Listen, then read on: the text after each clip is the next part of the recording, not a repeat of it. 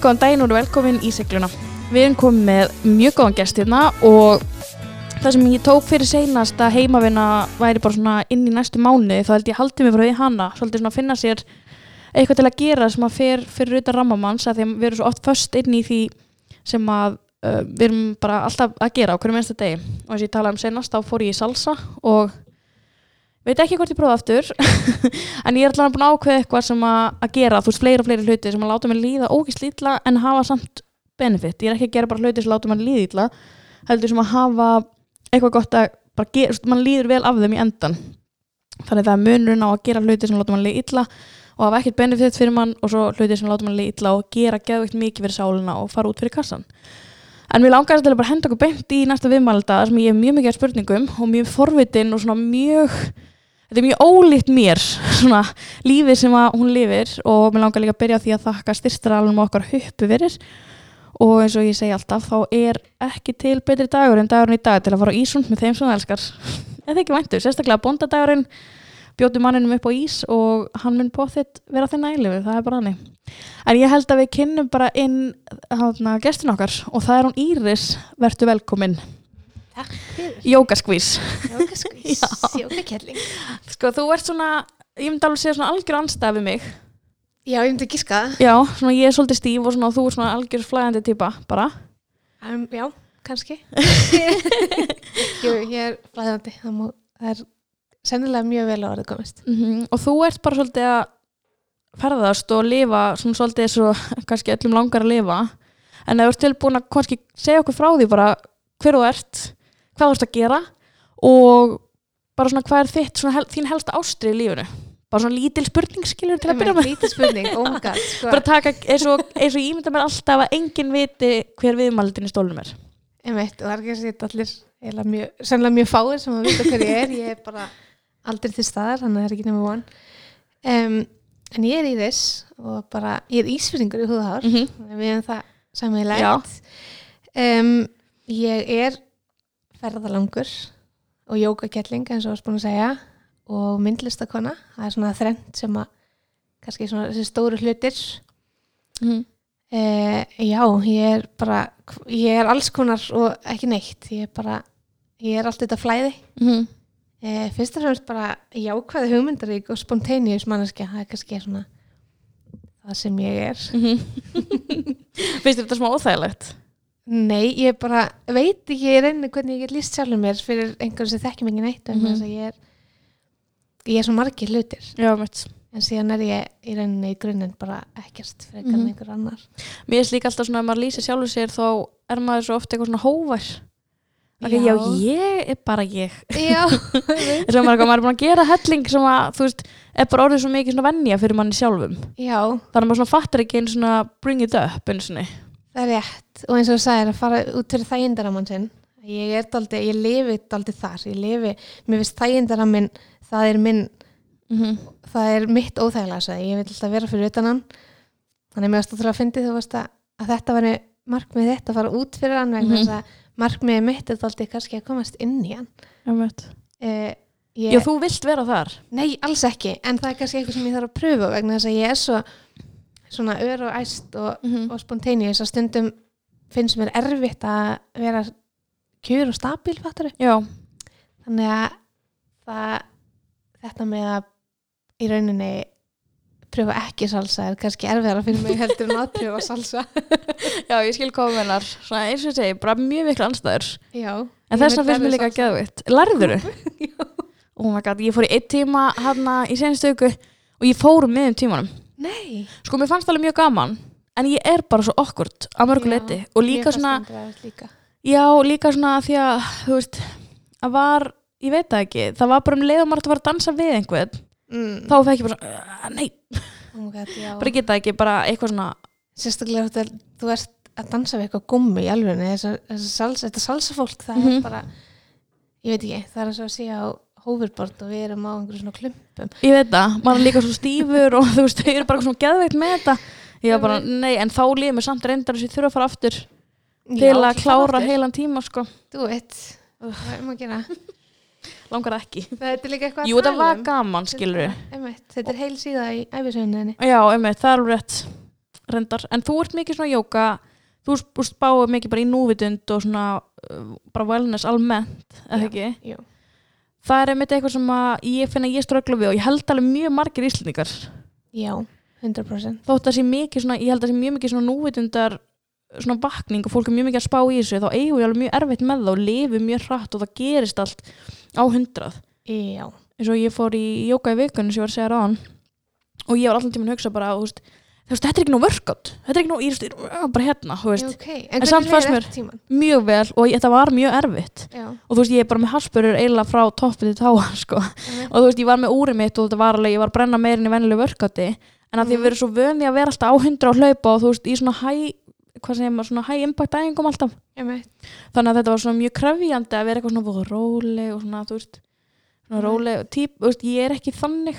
Það er með það sem fólk segir, að þetta sé kannski, uh, ég hef með teirt þetta, fólk sem mæti til minni í jóka, það er bara, oh my god, ég bara, hef aldrei farið, fengið miklu haspirir eftir Mhm. einn tíma og ég er bara svona, ok, frábært, en hvernig líður til þessi sálinu vegna þess að oft er það, uh, eins og segir, þessi, þetta, þetta að vera kyrr, að Mhm. liggja kyrr og savasana, loka slökunin er oftast erfiðasta staðan fyrir flesta og það er svona einmitt, fara rosalega margir út og bara svona, vá, þetta var ótrúlega erfitt vegna þess að þú voru reynir bara inn í sér og þurfti að díla við heilan sinn en Já. ekki bara líkamann vegna þess að við erum svo vönði, eða er svo margir vanir í að fara inn í tíma og púla og þetta, þetta er þetta, koma svo áfram, Mhm. keira, hoppa tíu viðbútt, hvíli tíu sekundur en svo fyrir jóka og þú er kannski að halda stöðu í einhverja andadrætti og það einu sem þú ert að gera er að anda og þá ósælagt verði að í rauninni leiða hugana bæði líkánuðinum og sálinuðinni uh, án þess að sé kannski eitthvað sem þú ætlar að gera akkurat á þessu augnabliki Mhm.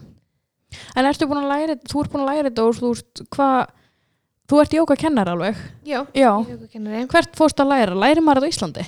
Sko, það er hægt að læra þetta Íslands- Íslandi og það eru alveg margir sem gera það uh, og rosa góð skólar. En ég fór til Barcelona.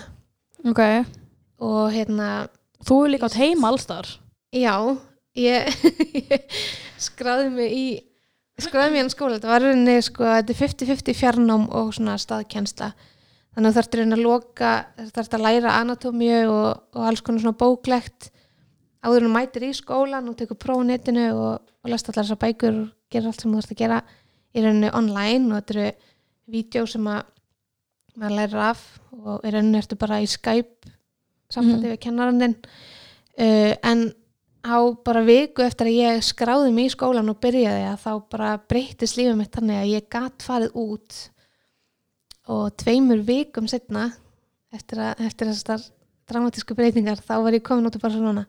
Og var þar í þrjá mánuði. Þannig ég rauninni var að stunda jóka þar og sinna skólanum á netinu uh, á kaffihúsum út um alla Barcelona borg þannig ef ég kom þetta kaffihús í Barcelona ég er búin að prófa því öll. Oh god, ég fæ bara svona kvíðandi í magan við að taka eitthvað svona lífsákvörðin á tveim vikum eða viku eitthvað Nei, alveg, nei, þetta var svo frelsandi, þetta var svo gott, ég misti vinnuna, það var bara breytingar í fyrirtækinu sem ég var að vinna hjá og fekk bref á samt alveg mörgum örum og ég lappaði út bara með brúsaför. Ég var svo spennt og kærasti minn var sett, ég líka á milli vinna þarna á þessu tímbili mm. og hann var hér sjúkraþjálfara og svo kom hann heim frá sjúkraþjálfara miðan dag og bara, okkur er þú heima? Og ég alveg, eh, ég misti vinnuna, hvort langaði til Barcelona eða Portugal? og hann alveg, já, eh, hérna, skoðum það og við bara pöntum eiginlega að miða ég daginn eftir. Ég ringdi Ókei. strax bara í fyrirtækið sem ég var að vinna hjá og þau buðu mér pínu aðstóð þannig að þau gáttu komið mér hálfa leið. Þannig að við fljóðum til Frankfurt og vorum þar nokkra dag og sem bara flutti Barcelona. Oh og þú ert bara Segðu svolítið bara á flakki síðan eða byrjar þau flakki áður en þú fórst tanga ég er náttúrulega búin að vera á flakki sko við erum rauninni búin að vera á flakki í átta ár Já, við kærasti minn e, byggum á Grænlandi, kynntist þar og svo erum við búin að að ferðast bara svona af og til. Við erum í kannski tvær vikur, þrjá mánuði í senn. En þetta gerist í februari fyrra og við fórum út bara held annan eða þriða februar og við erum ég var eiginlega bara að koma heim fyrir stuttu síðan. Mm. þannig að við fórum hana til Barcelona og svo bara í Asíu reysi til þess að finna, finna jóka og svona kynnast sjálfum okkur. En við vorum bara það heppin að vera í rauninni byrja að spara fyrir þessu. Plani var að fara út í februar þess ári. Mm þannig að við svona eiginlega gátum bara farið ári fyrir þe- vegna þess að þetta var í rauninni planið. En eins og ég var búin að segja, mér er þetta að plana mér er þetta að gera eitthvað eftir áallin þannig að okkur ekki bara að gera það árið fyrir ég veit, eðla og hefur alltaf verið svona það var eitthvað svona moment sem að þú getur svona sagt bara þetta, þegar þetta gerðist þá breytist allt. Oh my god, ég var umulegur unglingur. Ég veit ekki hvort þú þekkir þetta með Ísafjörð. Já, þetta með að þetta er einhver, einhver óútskýranleg segul orka á Ísafjörði maður, ég, ég veit ekki hvort þú hefur upplæðað en ég allavega var svona festist þar, ég náttúrulega Mhm. flutti ung frá Ísafjörði, ég held ég að vera fimmtabæk því ég flutti, en ég samt var alltaf að fara aftur og ég var alltaf að búa hjá ömmu minni og hafa og séðan ömmu bara í rauninni eins mikið og ég gat og var alltaf að fara aftur vestur og ég held bara að það væri lífið ég bara, ég átti þarna vini og ég átti fjölskyldu og, Mhm. Og held að það væri bara allur heimurinn minn. Svo að þegar fóreldra mínir fluttið til Grænlands þá bara nei, nú er mér allri lokið. Við erum bara að fara að búa í Ísafirði. Ef þið ætlaði að flytja þá flytjum við þanga og þeir bara, þú verður bara að sjá að heimurinn er stærri en bara Ísafjörður. Mm e, þannig það var rauninni þá sem að ég svona ég, rauninni, ég fór til Grænlands og það var ótrúlega erfitt skref fyrir ungling sem að held að heimurinn væri pínlítið bæjarfélag. -hmm. Í það í rauninni já þú mátt ekki fara frá mæknum íris úr að sorry. já, þú er skilin aðtilsvæst ég var að halda þær við mækin Heyrðu í mér núna. já, okay. ég er svo víri hérna skirst eða eitthvað, eitthvað að laga hana en hérna já ég, þannig að þetta var kannski það að ég fór til Grænlands, ég veit það ekki en ég er svo sem er svolítið síkun í mér líka ég hef Mhm. alltaf verið á einhverju við mamma vorum alltaf að flytja, við vorum bara tvær já þannig að við vorum svona aldrei kyrrar heldur. En ég meina að flytja Grænland sem ég líka er mjög random og svona mjög, eitthvað svona mjög ólíkt okkar menningu, eða ekki? Jú, þetta er alveg þetta er bara eitthvað svona allt annað dæmi. Jú, í rauninni þegar þú- horfir á það Mhm. Jú, en svo þegar þú kynnist hlutunum og þá erum við eins. Já, já, eða þú veist, mér finnst það, ég er alltaf svona þegar ég horfur fjarlag þá finnst mér þetta að vera rosalega ólíkt. En síðan um leiðu ég kynnist hvort sem það er Grænlandi eitthvað mm, það þetta er svona ekkert þannig, þetta er, við erum öll mhm. þetta og er svona, maður svona sér þetta úst, ég hef aldrei farið ángar, úst, held ég svo fæstir hafa kannski gert. Og svona þetta er svona eitthvað, já. Og þetta er svo geðveitt fjarlægt manni. Já, en svo þú veist, og maður var eitthvað svona í mann þegar að því að, já, við erum báða frýsum og svona, Íris býr á í Grænlandi. Bara svona, hvað meinar, hver býr í Grænlandi? Bara, engin og myndur þú segja að það hefur verið svona mómenti sem þú varst bara, ég ætla að gera eitthvað meira? Mm, og heldur ef þú er ekki. upplegað það, þú hefðir fest heima Nei, sko ó, ég veit ekki vegna þess að þetta er óslega stór spurning mm -hmm. vegna þess að ég var rosalega tínd á tímabili í svona unglinga á unglingasteginu í grunnskóla þá var ég rosalega tínd vegna þess að ég var í þriðja eða fjórða grunnskólinu mínum og ég var alltaf að reyna að þóknu stöðrum að því að vera eins og allir hinnir veist, fara í ljós og man sparkspeysu eftir. og Kawasaki sko. Þannig, ég, ekki skvísa. Það er svona minningi mín á þér. Ég veit.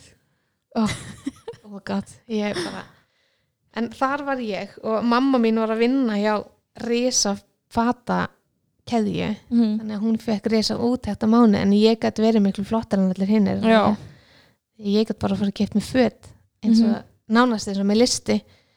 Um, en ég var svona daldið að þykjast vera kannski einhver önnur en ég var, ja, kannski var ég ekki þykjast kannski var ég bara ekki búin að finna mig Mhm.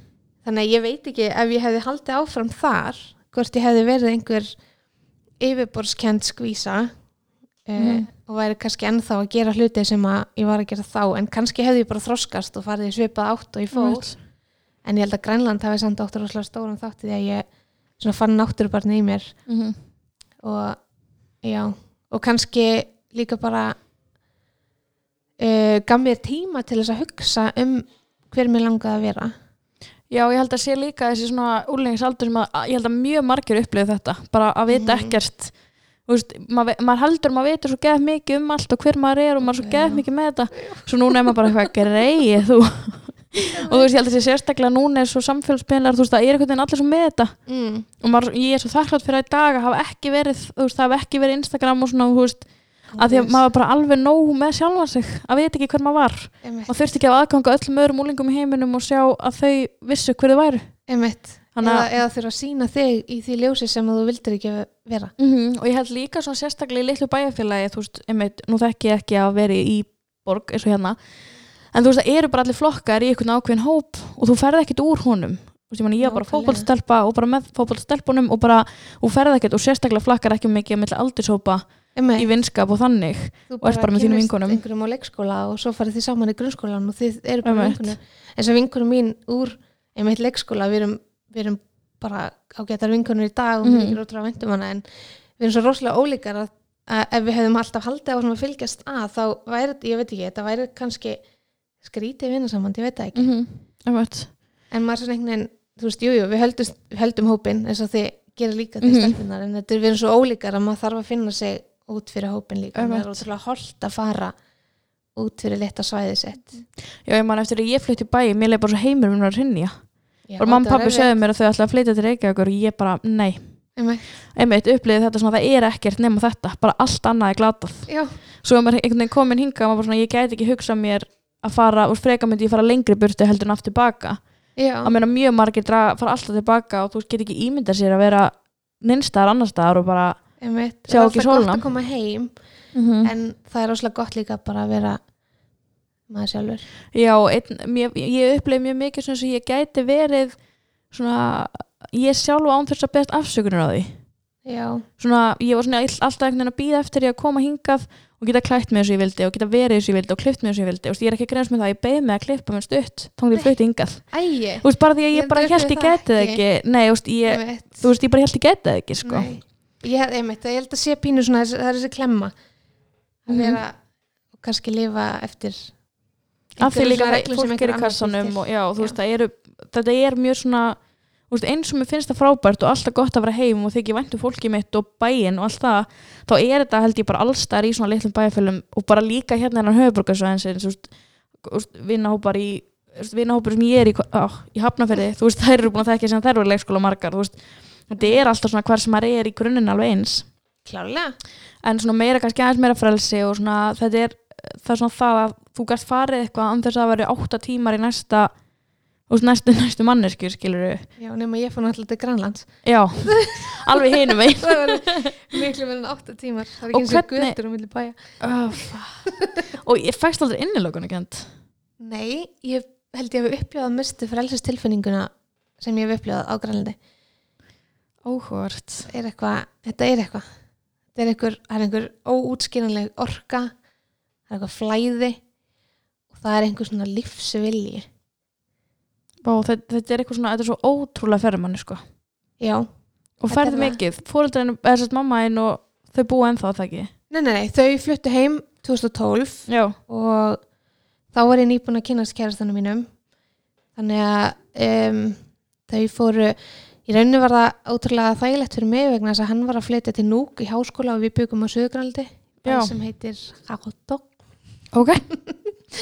Uh, þannig að þau fluttu heim hann 2012 og ég fór með þeim í smá tíma. Uh, þannig við vorum í rauninni ég var on og off á Grænlandi frá 2009 til 2012 flutti sen aftur til Núk bara hálfu ári setna að og var þar til 2000 og hvað 13, 14 eitthvað slags og hvernig er það að vera, þú veist, af því að nú þekki maður bara sjálfur að vera í samband og vera að ferðast, þú veist, er þetta ekki mikið álag á ykkur sem par eða þú veist, hafið þið bara alltaf verið svona? Já, við höfum held ég alltaf verið svona við erum fungerum best e, því fjarrri sem við erum öllum öðrum og því meira sem við erum saman fungerum við betur. Þannig að við erum einmitt alltaf að tala um að, að ef við einhver tíman værum först af einhverju landi að þá þyrftu við að vinna saman vegna þess að við vinnum vegna þess að það er best svoleiðis ég hef fundið fyrir því að því þau skipti sem við höfum búið á stað til þess að við byggum hérna á Ísland alveg í 2-3 ár fórum í ferðalög en þú veist Já. við áttum heimili um, og þá var bara lífið þannig að hann fór í vinnu um börnuna og ég fór í vinnu ég var í vaktavinnu þannig vorum kannski alltaf saman á kvöldinu eða um helgar mm -hmm. uh, og þá fannst mér við fjarlægast veist, við vorum kannski jú, jú, borðum saman, við vorum að gera alla þessa hluti en, en við vorum svona komið þessa rútínu bara, þú veist, ég fór í ræktina á mínu tíma, hann fór í ræktina á sínu tíma ég fór í jóka, hann ger eitthvað annað. Við borðum kannski kvöldmat þess að fyrir saman í viku og, og svona quality tímin okkar var rauninni bara þú veist, Netflix, annarkvæð tvörstu dag eða eitthvað.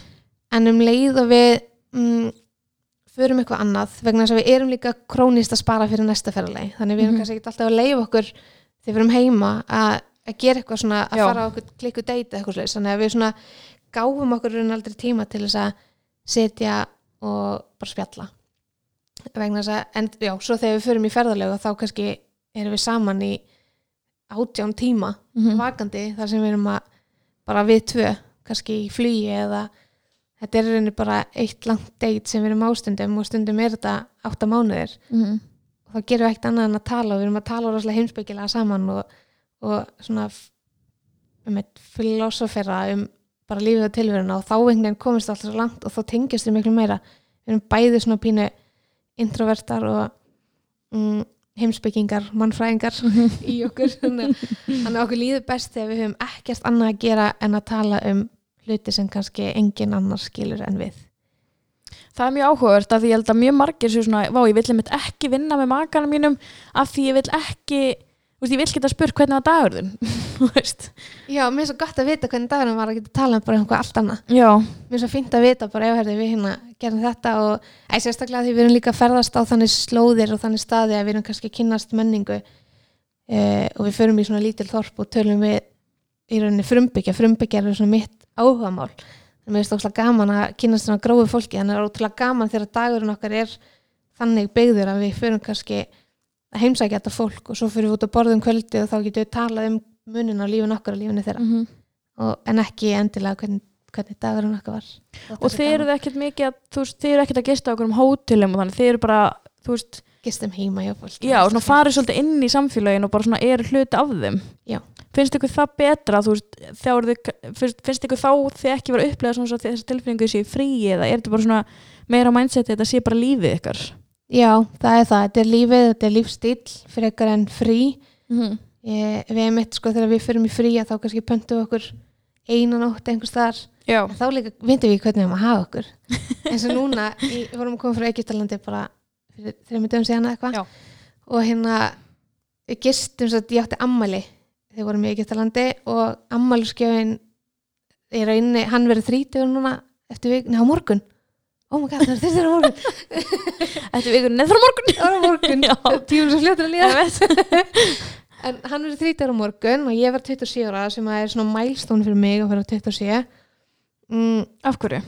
vegna þess að ég man þegar mamma mín er 27 ára Ok, Og ég held að þú myndi segja að þú erður ekki eldri en 27 ára. Það er einhvern veginn, ég verð ekki eldri en 27 ára, hún er heldur ekki eldri en 27 þetta er svo fyndið mamma var 27 þegar ég var í fyrsta bekk já. og ég sagði alltaf, já mamma mín er 27 og allar hína mömmuna voru kannski pínu eldri Mm -hmm. svo kom ég annan bekk og þá er ég leið, mamma mín er 27 svo Já. kom ég í áttunda bekk og ég bara, já, mamma mín er 27 þannig, að, þannig að mamma hefur alltaf verið 27 bæði fyrir mér og vinkunum mínum Ok. og er það bara ennþá þannig að ég er svona, oh ég ég þannig núna er ég orðin 27 ég ætla ekki að verða eldri Nei, bara vel gert. rockstjörnu, ég fatt það núna Já, ég held að þú myndi segja þetta út frá því, sko. nei, Að ég það var margir sagt bara svona, ég, mun- veist, margir svona, ég hef alltaf haldið að ég muni ekki lifa lengi. Svona, veist, það hefði ekkert komið Já. óvart ef þú hefði sagt þetta. nei, ég ætla að verða hundgömmul Já, já. en líka með minn þar að segja Gott. Já, en já. ég ætla ekki að verða eldri Í en 27 sálinni. í hugunum þannig að, já, þetta var svona pínu stór ammælis hátíð fyrir okkur. Ok. þannig að við fórum til Egyptalands sem ammæliskef og af því vorum hann ammælinu mínu þá gistum við á Marriott Hotel daginn áður en við flugum heim. Og það er held ég fyrsta fimmstjörna hóteli sem við gist á nema kannski eitthvað í Dubai. Mm -hmm. um, og ég, við vissum ekki hvernig áttum að hafa okkur. Ég er bara svona, oh my god, ég það er ekki að fyrir bað að ég veit ekki, þú veist, má ég koma inn með bleittara? Ég vera með hattinn. Já, að, er ekki aðsnalegt að við séum bakpoka? Og svo þegar fólk kemur og býrst til þess að taka töskunar okkar þá var ég bara svona, alveg, nei þú þarft ekki. Já. þarft ekki að gera það, ég get alveg þú veist, við erum að tala um þetta 6 kilo á taska sko, þetta er ekkert eitthvað sé bara gerfinnur Emitt. Hætt að snúa þér frá mæknum. komum við eitthvað annað. Partí og aðti afsætti En hvað líka, þú veist, ertu aldrei þreytt á því? Af því að, þú veist, eða, þú veist, ég veit ekki, kannski meira, ertu bara aldrei svona, nú er komið gott, bara núna þegar ég finna að vera heimili. nei, nema þegar ég er kannski búin að vera vakandi í tvo sólarringa Já, Ég get er ímyndað mér það. kannski búin að vera sofandi á einhverjum bekkjum ógsta lengi og, og get ekki haldið mig vakandi lengur þá er ég bara svona, ó hvað ég vildi að ég ætti rúm mm en svo bara fyrir ég og legg mig einhvers staðar og, og svo því ég vakna það er bara til í næsta partí sko. Já. Ég held að segja líka bara allt um hvað er miklu anstæður og ég er hérna öllu svörtu og þú ert í öllu litur sem til eru og ég líka sko ég held að það hræði mann og marga allan á mig við, eins og jóka, þú ert að sleppa þér svo mikið Já. og þú veist eins og ég var að segja við áðan við byrjum að taka upp, þá fór ég jóka þetta á miðvikudaginn hjá Ísabella vinkunum minni og minni já okkar. Og ég hérna algjör jóka sneiðleikur, fólk verður að kíkja á hana. Og Já, hún best. Já, og ég hérna, hef ekki farið í jóka í tvö ára eitthvað. Og áður þegar ég fór í jóka var alltaf svona gett mikil æfing, þú veist, þá ég var bara hamast við að fylgjast með kennaranum. Og mér fannst ég ekkert vera að opna eitthvað svona tilfinningarlega Nei. og hérna erum við í mjögum tímanum og liggjum svona með höfuð í dýnunni. Mm, og erum alveg-. Já, en erum alveg bein og þess að snúi, skil. eitthvað- upp á mjöðminnar Já, og það byrja bara að leka tár. Nei, en gaman. Já, og ég, mér fannst það ekkert gaman þarna. Og ég snýð mér svona að dagbyrtu vinkun okkar og ég bara, þú veist, því að það, þetta var svo ró, þú veist, ég vildi ekki vera að tala, skilur Nei, og ég svona, hérna hún leik tár og hún bara, kom hérna ég bara, okkur er að gráta? Og hún bara, það er alltaf læg, og ég bara, nei, af því maður er svo lokaður. Og hann að svo bara næja, þú veist, fer fram hún hann klæður bara næja, tróður svolítið niður aftur. Og svo í endan erum við hann í þessu bara svona rólega, Einmitt, svona liggjum hann sanna já, ef hún var líka alltaf að segja eitthvað svona, ég held að mm, og byrja bara aftur að hágráta. Og snú, hún eitthvað svona, snúið ykkur í barnið eða eitthvað, fóstustellingu eða eitthvað. Og ég bara, bara, bara, bara og kona við hliðin á mér, ég var bara þú veist, það var andrælt, svo kom kona við hliðin á mér bara, þú veist, þú veist ekki hvað ég var að gráta í mörgum tímum og þetta er ekkert, þetta er bara svo eðlilegt og ég var bara, er eðlilegt? Einmitt, bara hvað meinar Þetta og googla þetta. Já, ok. Og þá kom ég mitt bara svona, við grátum mjög mörg jók og ég var bara, já, ég græti ekki jóka, skilur ég græti ekki og ef ég hef ekki verið með stelpunum sem ég þekkti þarna þá hef ég aldrei farið aftur, ég hef farið um með tímanum farið sko, Já, ok. Af því að s- og einmitt Ísabella kom og sagði bara vákaða mikil heiður að þú að fara að gráta, bara fyrir mig sem kennara. Já, ég mitt á saman þannig ég bara, ó, en geggja. Já, Frábært fyrir Ísabellu. Já bara nei, ég get ekki verið að fara að gráta hérna, þetta er rekalegt Ó, jú, getur það. Það er líka svo kósi stemming, slögt ljós en er enginn að hugsa um þig vegna þess að allir inni sér. Já, en af hverju gerum við þetta? Vegna Af þess hverju þú fer maður að safnar- gráta? Þú sapnar tilfinningunum í mjöðmyndnar Það er tilfinningastöðin þín. Og svona neðsta sjakra þú sér svipun á núna og hann er bara, ég er bara eitt spurningamarki sko. Hvað meinur tilfinningarnar í möðmónum? Sko, þetta er kannski pínu erfitt að útskýra Mm. eh, en þetta er svona, við, þarna sapnaru þessum stífleika, þarna, þarna mætist líkamenninn við hinna Mhm. líkamennina ok, Eh, ég reyna vera opinn hérna, já, já, já, já. og þú, og þú þarft í rauninni að opna þetta svæði ég var til dæmis með bara full on mjöðmatíma í gerð til þess að opna mjöðmir opna fyrir tilfinningar. Uh, ég hef eiginlega ekki svör af hverju þetta sapnast þarna. Við, viðkynni en þetta er rauninni svæði sem við svona stipnum upp og, og söfnum alls konar gremju og þreytu og styrleika og þá er það bara allan hátt. Mm og, og er þetta ekki líka bara eins og núna þú veist það búið mjög mikið tilfinningalegt álag og þú veist í líkamannum er mjög mikið álag á líkamannum og, og er einmitt mitt í mjöðum og eitthvað? Jú, gæti vel verið út af því. Eða bara að þú sérst í rauninni sko, mun ég bara alltaf fara að gráta þér fyrir jóka nei vegna þess að sko, jóka er rauninni í grunninn uh, upp eða hérna sem sagt um, ekki upphittun heldur svona undirbúningur fyrir hugleðslu mm. þannig að fyrir sko öllum þessum árum síðan þegar að indverjarnir voru og allir munkarnir voru að byrja að stunda jóka þá var það vegna þess að þeir þurftu að losa um stífleika og þreytu líka til þess að geta setið kyrrir í svona langan tíma til þess að huglega Mm -hmm. Þannig í grunninn eru jóka og allar þessar asanar, allar asan, asunurnar, stöðunar, pósin, eru rauninni grunnur til þess að þú getur setið kyrri í svona langa tíma og hugleitt. Þannig að líkaminn þinn er núna bara opna fyrir allar þessar stöðvar, opna fyrir tilfinningarnar og opna fyrir hjartað og öndunaflæðið og losaði við nálátofa og vatnátt til þess að þú getur setið kyrr og hugleitt. Mm -hmm. Þannig að, og það er ekkert að fara að gerast í fyrsta skipt sem mætir í jóka. Þú er enni, ert, þetta tekur allt saman tíma og þetta er ekkert að fara að gerast í hvert einasta skipti en kannski, kannski er eitthvað sem þú þarfst að losa og líka bara þessi tími sem þú varst að eyða með sjálfur þér getur Mhm. líka bara haft þessi áhrif að því að maður er aldrei eitt með sjálfur sem maður gefur sér ekki hennan tíma. ég er líka þegar maður er einn, þá er maður samt að horfa sjónarpið eða skróla í símanum, eða maður er alltaf í tengingu við einhvern annan. Á. Já, Einmitt. einmitt, þú veist, maður er aldrei bara að vera til. Nei, og þess að líka að því að hún hann einmitt sagði eitthvað svona, ef þið farið að hugsa um eitthvað hvað er verið í matinn, þá þú veist, með ég byrja bara að anda hann aftur upp á fjórum eða eitthvað. Og ég var alltaf, fann mig alltaf að vera bara hmm, flott hárið að hlýna mér. Svo er svona, Já, ja, Ísabel er flottum ból eitthvað hennar svo bara, nei, nei, nei. Þú veist, þetta er gríðarleg æfing að vera bara í mómentinu já, og þú veist, og maður er alltaf einhvern veginn, maður er bara treinar að hugsa um allt annað sem að kemur emitt. En svo um ert kannski eh, eins og ég segi í lokaslökunni minni eða ef ég til dæmis að leiða hugleðslu að það er hugsanir sem kunna að koma mm -hmm. leiðu þeim bara að koma en leiðu þeim síðan að fara jafn auðveldlega að koma þannig að ekki dvelja á þeim þú veist, raunin ekki sitja og bara hugsa um hárið á þessari konu og þá var mjög að fallega það sé raut svona fallega krullur. Vá, er það? Já. Ég hugsaði, vá, rautt fallegt Þetta var, svona- já, þetta var svona raut fallegt krull. ég var allir tíma bara alltaf að hafa verið með lit nei, hættu. En leiði bara að koma og svo leiði því að fara. Okay. en líka þú veist, uh, ég held að maður sé svo hrættur í hugleyslu og jóka af því að þetta er svo þú veist, þetta er eitthvað svo flæðandi svo, já, Þú veist svo að hérna, kynna sjálf þér já, og maður þarf að díla við sjálfan sig og, og svona smáa já, og í, það er alveg ógeðslega erfitt. Það er það. Og það er eitthvað Sérstaklega svona Þú ert ekki alveg viss.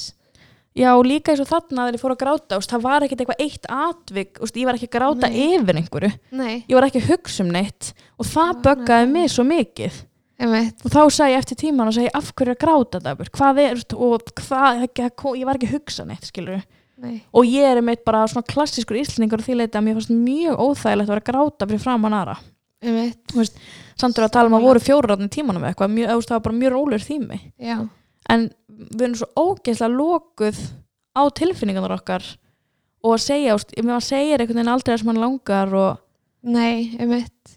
Þannig að ég bara svona, það er bara þetta meðverka samfélag sem við lifum í. Mhm. er bara, það er bara, þetta er bara hættulegt. En þess vegna þarf maður bara fyrst og fremst að vinna í sjálfum sér vegna sem leiður ert los að því þetta er bara eitthvað sem þú setur, þetta er bara Mhm. reglum sem þú hefur settir Í, um leiðu þú kynnist sjálfur þér og svona tekur þetta skref um að bara vera sitt sama Mhm. að þá einhvern hættir eða þú veist, þá, þá byrjar við held ég að hugsa um einhverja aðra hluti sem að kannski þú ert í raun að komast framhjá þessu til þess að til þess að komast að næsta Mhm. level. Já, það kom mér einmitt á óvart þessi kona með þetta fallega rauða hár. Já, hún kom til mín og sagði þú veist að hún hefði komið í fyrstu sex tíman sinna og eiginlega bara leiði og grátið allan tíman Já. og þá var ég eitthvað svona já, það má. Af því að hún var bara geggi jóka típ og hún var geða flott í þessu.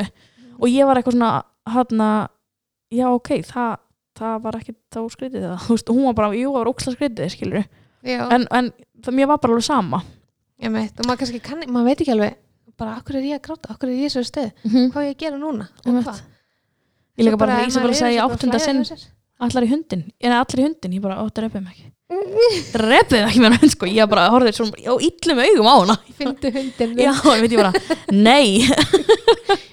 Allir eitthvað geðveikt með þetta, ég bara, oh my god. Svo er ekkit allir geðveikt með þetta. Mann Það er finnst það bara, já, mann finnst það svo geðveikt að því maður er svo lokaður í sjálfum sér og maður er vanur líka að vera líka þess að ég sem ég bara horfi bara þú veist þú veist það sem allir er bara að gera það sama og þú veist, það er ekkert eitthvað svona, finn þú þína pósu heldur að þú bara gera það, já, fyrir, að, sama og henni skilur bara að gera það sem þú gera þitt besta en sem getur líka bara komið eins og ég gerði ég var með 90 mínuna tíma og kona sem kom og ég byrjaði að þetta í liggjandi stöðu og hún lá í þessu stöðu þannig til tíma búin hún lá Já, allan ok. tíman og svo kom hún til mín eftir tíman og sagði takk fyrir tíman, það var frábær og ég bara, á, takk sem liðis bara þetta er frábært, frábært að fá þig og frábært að getur fundið þitt jóka, þetta var bara hennar jóka, þetta var hennar jókatími hún var þarna fyrir sjálfa sig Einmitt.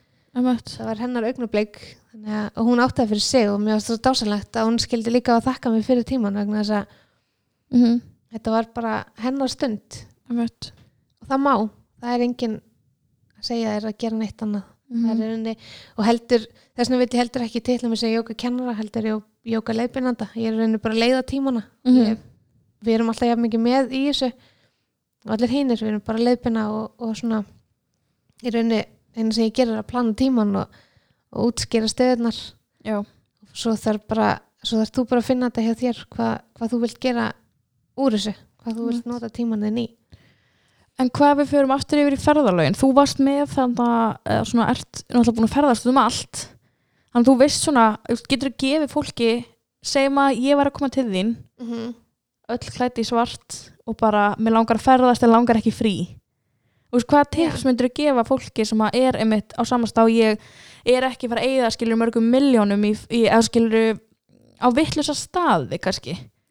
Veist, langar bara að ferðast og kynnast menningu og þetta, þú veist við erum að tala um að ég hef aldrei farið úr Evrópu.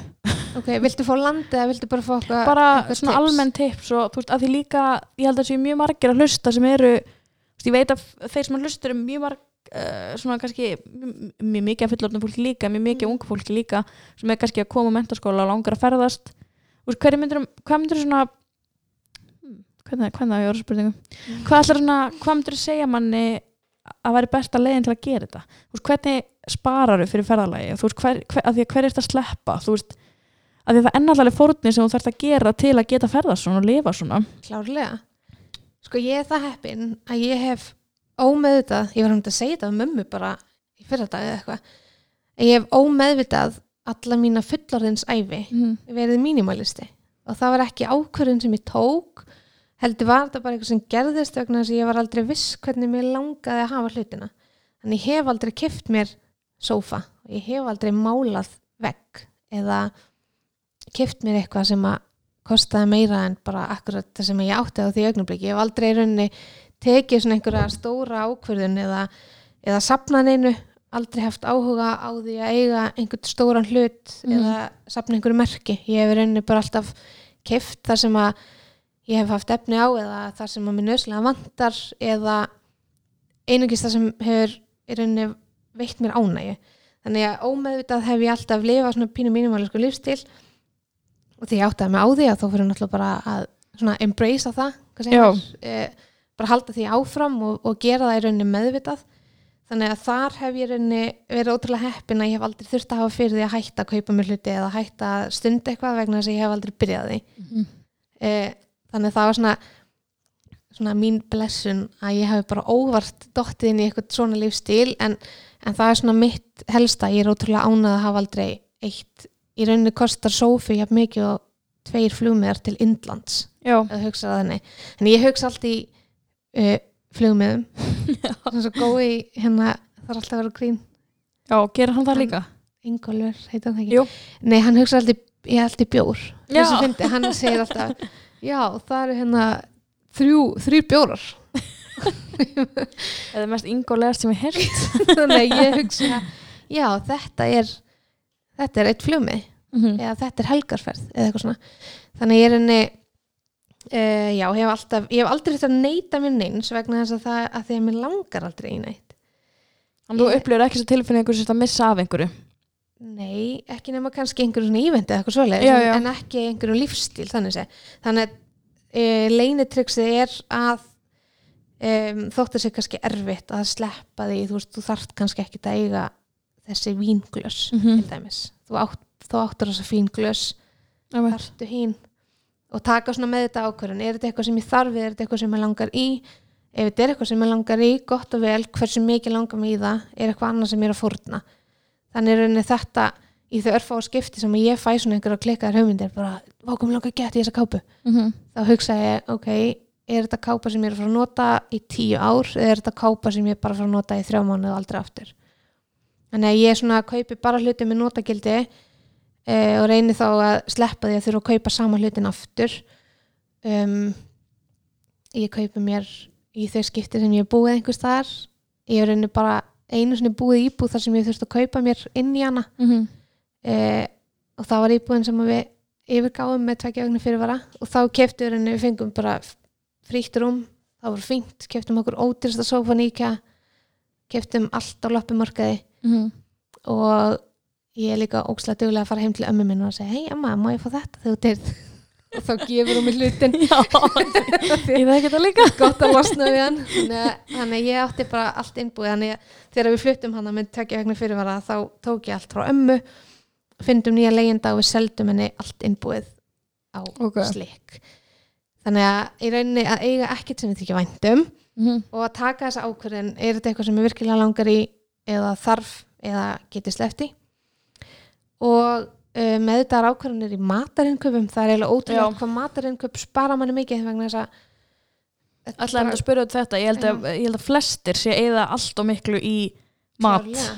Sko það líka reyndar á Grænlandi höfðum við ekkit greiðan aðganga á hverju sem er og feskuru og slæs að og þá kemur alltaf svona tilbúrspæklingur ég veit ekki hvort það komið tilbúrspæklingur á Íslandi það hlýtur að vera. En Er það að meina bara svona eins og bónus með, afsl, þú með svona afslutabækling kúpons eða? ekki svona kúpons, heldur bara svona þessa vik, að kannski ekki endilega bæklingi það hljóta að vera auglýsingar. Þetta var alltaf hannig, en ég er ekki vissum ég man eftir þessu heima sko. smjörostur á 200 kall vennilega kostur hann 230 Já, ég held ekki. Nei, ég veit ekki En, En samt kemur svo svona- núna svona eitthvað heilsu vika í þessari Já, þannig, um leið og þetta kom að þá, þetta er eitthvað sem ég gerði ekki, Kali gerði þetta, kærasti minn, Mhm. hann settist niður alltaf þegar bæklingurinn kom og skoði var tilbúði og fór rauninu bara hamstraði. Já, Þannig að um, mjólkin er gemjólk, kemur í kössum, þannig að þegar hún var að tilbúða fórum við kiptum bara þegar að fara að kassa mjólk. ok Eh, og ég borðaði kjöt á þessum tíma og var í e, myndlistaskóla sem við hliðan á satt, brettinu. Brettið er satt, hús þar sem að veiðimenn hafa aðgangað. E, þetta er bara borð og verkfæri þar sem þeir geta komið með aflan sinn, hvort sem það eru dýraða fiskur og verka það, Mhm. fara með í búðir. En ég lappa alltaf fram hjá þessu hverjum degi og var hún vinkonæra þannig þeir gáttu selt mér mm, kjöt og fisk ódýrt Ok, Ég bara svona, þannig þetta lærði við á Grænlandi að lifa sparsamlega og í rauninni fram í tíman vegna þess að við vissum ekkert hvort það væri til aftur það sem okkur vantaði en við keftum alltaf nóg þegar það var til Mhm. þannig að við í rauninni tókum það mjög okkur til Íslands að kaupa, það var eitthvað tilbúði að kannski kaupa fimm já, til þess að eiga og þá þurfum við ekki að kaupa það þegar okkur vantar og þá, þurfum við eldir, og þá eigum við líka alltaf mat þegar okkur kannski þegar við nennum ekki að elda þá eigum við alltaf eitthvað að grípi þá Mhm. erum við ekki að fara á hlem matvill já, veit borða fyrir sex úrskall Mhm. Og ertu hérna, þú gram, ertu græmitsætt í dag eða vegan eða pesketerian eða Ach, ég eiginlega ekkert? ekki Nei, það. en ég er samt er bara svona borða ekki kjött Já, ég er svolítið komið þanga líka því ég er fyrsta sinna á ævinni að taka þátt í veganúar já, mér finnst það ekki spennu Já, veganúar pluss ostur. Já, okay, okay. en ég hérna einmitt er búin að vera rosa mikið velta fyrir mér og hérna mér finnst ekki ég þur, mér finnst ég ekki þurfa að setja þurfst ég ekki þurfa að vera græmmetisæta þú mér, þarf ekki að vera með neitt. Nei, mér finnst ég ekki þurfa að vera að því að um leiðu ég segi ég, ég er veganúar svo þarf ég alltaf að bæta pluss ostur af því annars kemur einhver, þú borðar ost. Það Þú veist- ekki Já, að því ég hugsa líka eins og ég var að segja hérna við konar í vinnunni, þær voru eitthvað svona já, en kjöti líka, eða sójaði kjöti líka innflutt og eitthvað hérna. Ég eitthvað, já, en ef allir taka bara einn dag í viku mm -hmm. sem að þeir borða ekki kjöt þá ertu strax búin að gera svo mikið mun sko. og því ég var einmitt að velta fyrir mér úst, að borða kjöt í hádegin í vinnunni og ekki heima og svona búin að vera svolítið að velta fyrir mér. En maður er svo mikið ólega ekkert þú veist, bara að vera 100% vegan bara eða ekki. En sko eru gera sitt besta. Já, Og ef er þú svolítið bara vel sagt. gengur út frá því að þú sért bara alltaf að gera þitt besta og skrifa þú hjá að- mér og skýra þáttinn þetta. Já, ef, að, ef, að, ef þú gengur út frá því að því það er svo leiðilegt líka að vera manneskjan sem að er, þú veist, ég hef alveg verið hana að vera bara eitthvað svona glápa á eitthvað sem einhver manneskja er að gera og býð þetta um að gera eitthvað sem fyrir úrskeiðis. Mhm. það er svo ótrúlega líjandi fyrir manneskjana sem er að fylgjast með og svo kemur þú bara eitthvað, heyrði, þú, þú hérna glemdir þessu, eða þú mistir hérna blett eða eitthvað. Bara, who gives a fuck? Og þú ert bara að gera þetta besta, Mhm. ég er að gera mitt besta hún er að gera sitt besta. Það kom mér alveg óvart að ég fekk að mitt spurningu á Instagram hvort ég hef fengið mikið svona diss fyrir að gera þetta. Og það kom mér alveg óvart hvað það er búið lítið. Það er eiginlega bara, nei, það er öllum alveg sama. Mhm. það er aðalega þetta fólk, er ekki pasta B12 eða eitthvað, þú veist, og maður alveg, já, ég var svolítið ekki að því áður og borða aldrei kjöt eða annars, eða skilur já, þú veist, og eitthvað svona, já er svona aðtöða þitt, eitthvað hérna, þú veist þannig að ég eitthvað svona, það er eina svona sem ég fengið þar sem að fólk vil meina að það viti betur en ég Mhm. sem er alveg 100% líkur því ég veit ekkert, við vitum ekkert skilur og það já, en þú veist, maður veit ekkert í grunninn þú veist, fólk er eitthvað, en þá ættir að borða þetta þú ættir að gera, veist, al, við vitum ekkert hvað bestur okkur, þannig sé, nema bara þú veist, það sem maður finnur sjálfur í líkamann sem já, að hverju ég ætla að sinni. segja, svo kalla líka mig bara á eitthvað og þú hlusta bara á það. Mhm, og það er einmitt svona mín gullna regla hvort sem það er bara í lífinu mínu eða jógatímum. Já, hlusta á líkamann, lærðu að hlusta á líkamann fyrst og fremst, gerðu þitt besta. Þú getur ekki gert þetta annað. Mhm. það er svolítið það sem ég langar að læra jóka því ég fann það að ég var að, þetta var 75 minútur og þú veist það var alveg mikið fyrir mannskjum ekki búin að fara að jóka lengi. Mhm. og ég fann að ég var ekki að meika að fara ekki upp í hundin í áttaskipti skilur Já. og svo spurði Ísabel, ég gera ég, ég er bókinn drepast? Og hún bara, já, þú þarf ekki að fara upp. Og ég bara, jú, jú, jú, ég var að gera það. já, ég, mér langar svolítið að fyrir jóka til að læra þetta Já. að vera, já, ég, hvað er þú með jóka? Ég er í völdklass á 50 dögum, seltinanesinu. Mm. Það eru mínu svona föstu tímar klukkan 6 Svo á langt í 50 burtu. dögum. Ef þetta er mjög langt í byrti. Uh, Uh, og síðan er ég með yin-yoga strax eftir sem eru 90 mínútur. Síðan er ég líka að leysa af og ég er rosalega duglega að setja bara á okay. like-siguna mína á Instagram er að sem er, eitthvað. svo ég gleymi í pottit ekki að spyrja þig, það er úr til að segja en fólk getur fylgst með þér Sko, Heiðrunardóttir er mitt svona ferða Instagram og Íris Art and Yoga er yoga Instagram mitt. Ég er svona Mhm. að blanda þessu tvennu saman. Æ, þetta er svona svo fólk þegar þú ert með Instagram fyrir dýranýna þegar ég fyrir kísirna einar það er óslega erfitt að sinna báði já, maður gleymur þessu, maður á svona eitt præm og svo hitt sem maður svona Mhm. fellir og maður svona mann eftir annars leið ég veit en sérðu, ef við, úst, þetta er náttúrulega líka bara við erum kannski búin að segja allt sem segja þarf en sérðu fyrir að þetta verði lífstillin heldur og munur held, um, ég veit maður á ekki að spyrja fólk að þessu Mm. og ég gera það ekki og ég reyna mjög mikið að passa mig á því en spennt. Það. Og mun öruglega eitthvað komment á það að ég hafi gert það. En sérðu ekki fyrir þetta klassiska 9-5 líf, 2 börn, oh Ísland eh, einhvers þar först Nei, ekki neitt. Ég er svo mikill frelsistýrkandi mm. ég bara hef alltaf lifað eftir þessu annarkvort meðvitað eða ómeðvitað eins og ég nefndi á þann það hefur allt gerst mjög ómeðvitað eins og ég hafi bara verið leitt út í þetta allt saman. Og ég sé mig ekki fyrir mér nei, fyrir allavega ekki svona einhverju 9-5 starfi. Ég er núna orðin frílansari og búin að gera það í ár. Mm bæði jóka og myndistina mína og, og ferðarlög þetta er svona það sem að og ég eiginlega sé ekki af hverju ég ætti að hætta því og byrja einhverju öðru en kannski bara kemur eitthvað annað. -hmm. kannski allt í hennu bara detti um eitthvað sem að ég elska og dyrka og dái og þá náttúrulega ger ég það. Veit en ef að en, en eins og staðan er núna þá er ég bara að fara að halda áfram mínu streiki en reyndar er kærasti minn núna í námi. Já, hérna. E, nei í Danmörku, hann býr í Kaupmannhöfn þannig við erum í fjarnámi. Já, ok. Nei við erum fjarnámi. Við erum í já. það er að best sem við gestur sambandi okkar talandi um að er talandi það? það segja allir að sé ekki hægt að vera fjársambandi þetta er besta í öllum alheiminum. Vegna þess hæ? Við erum búin að vera í fjarsambandi, þetta er í annað skipti í okkar sambandi, það var hann að 2012 og nýbyrju saman, já, það var sjúklega erfitt vegna þess að þá vorum við svo ótrúlega já Ný svona, kolpa ást mm en núna erum við búin að vera saman bara í átta ár og erum bara ótrúlega hammingisum og ástfangin og við erum heimsins bestu vinir. Að þegar við hittumst sem er alveg reglulega mm. -hmm. við erum duglega að heimsækja hvort annað og, og svona. Og þetta er nú ekki búið að vera hann, hann fór út í september fyrra. Þannig við erum búin að hittast þrís og síðan þá. Uh, og þegar við hittumst þá er, eru allar stundir hamingjustundir. Allt sem við gerum saman er svo gaman af því að, að því að við erum ekki að gera það á hverjum degi lengur. Mhm. og bara það að fara í búðina með honum er það skemmtilegt sem ég geri að því að ég er með honum og hef ekki verið að gera það síðustu þrjá mánuði vegna þess að það fyrir eini búðina. Þannig að í rauninni allt sem við gerum saman á þessum stundum sem við hittumst það er bara það allra besta. Og það getur ok, líka verið hvað þetta er heilbrygt að líta át og þannig að ég veit ekki hversu oft ég hef heyrt eitthvað svona það getur enginn verið í fjársambandi fjársambandi sökka, það getur enginn ef þú setur bara se- ef þú setur hugan þinn ánga, þú ert Mhm. tilbúin í það við vorum ekki tilbúin í það þannig fyrst Já. en núna erum við að klárlega og, og ég veit alveg að þetta er þetta er ekki e, þetta ástand er ekki varanlegt mm -hmm. þetta er að fara, þetta mun breytast þér daginn og það gerist það bara þegar það gerist en þanga til að þá þá er þetta bara svona og þetta er frábært, þetta er gekkja það er ekki að líta á þannig. Mm. ég held að það sé bara snilda enda á því. Ég bara, ég, þetta var vá, þú svona breytir alveg hvernig lífindi líta á fjársamband að ég hef meitt eina vinkonu sem hefur verið er bara eiginlega alltaf, við hefum alltaf bara svona þetta bara, það segja alltaf þetta virki ekki. Njótt en samt þess, eitthvað virkar það, þetta virkar. Þetta er hægt. Maður bara leggja sig alla fram Já, mér langar eiginlega að sko enda þáttunum því að hvetja fólk til að fara til þín í jóka. Það er hægt að skrá sig bara inn á tímatöfluna ekki vörglas Jú. og fylgjast með þið þá Instagram at heyrunadóttir og ég skal taka þið líka á mínu Instagram eftir fannidóra.com niðurstrykk svo hann að fólk geta bara að fara beintinn og ha, Takk babe. Já.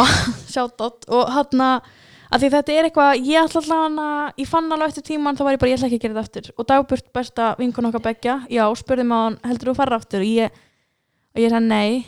En svo held ég að ég verða að fara aftur af því að einmitt tilfinningin var svo góð.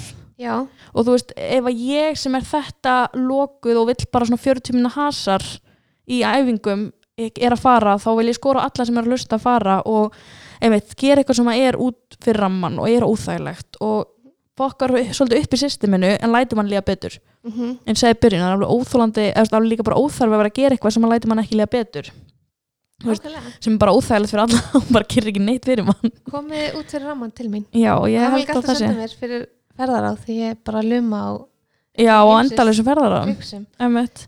og svo eins og ég sagði á hann þá er huppa stoltur styrtaræðali seglunar við með mitt sameiginlega vinkonu sem að elskar ís meir en allt sameiginlega besta vinkonu sem elskar ís meir en lífið sjálft.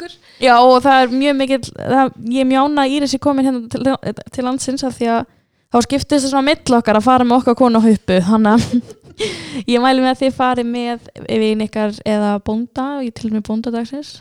Ekki það ég veit ekki alveg ennþá okkur hann er ég er búin að segja krökkunum mínum það dag ég bara, þetta er bara gamalt og skemmtilegt.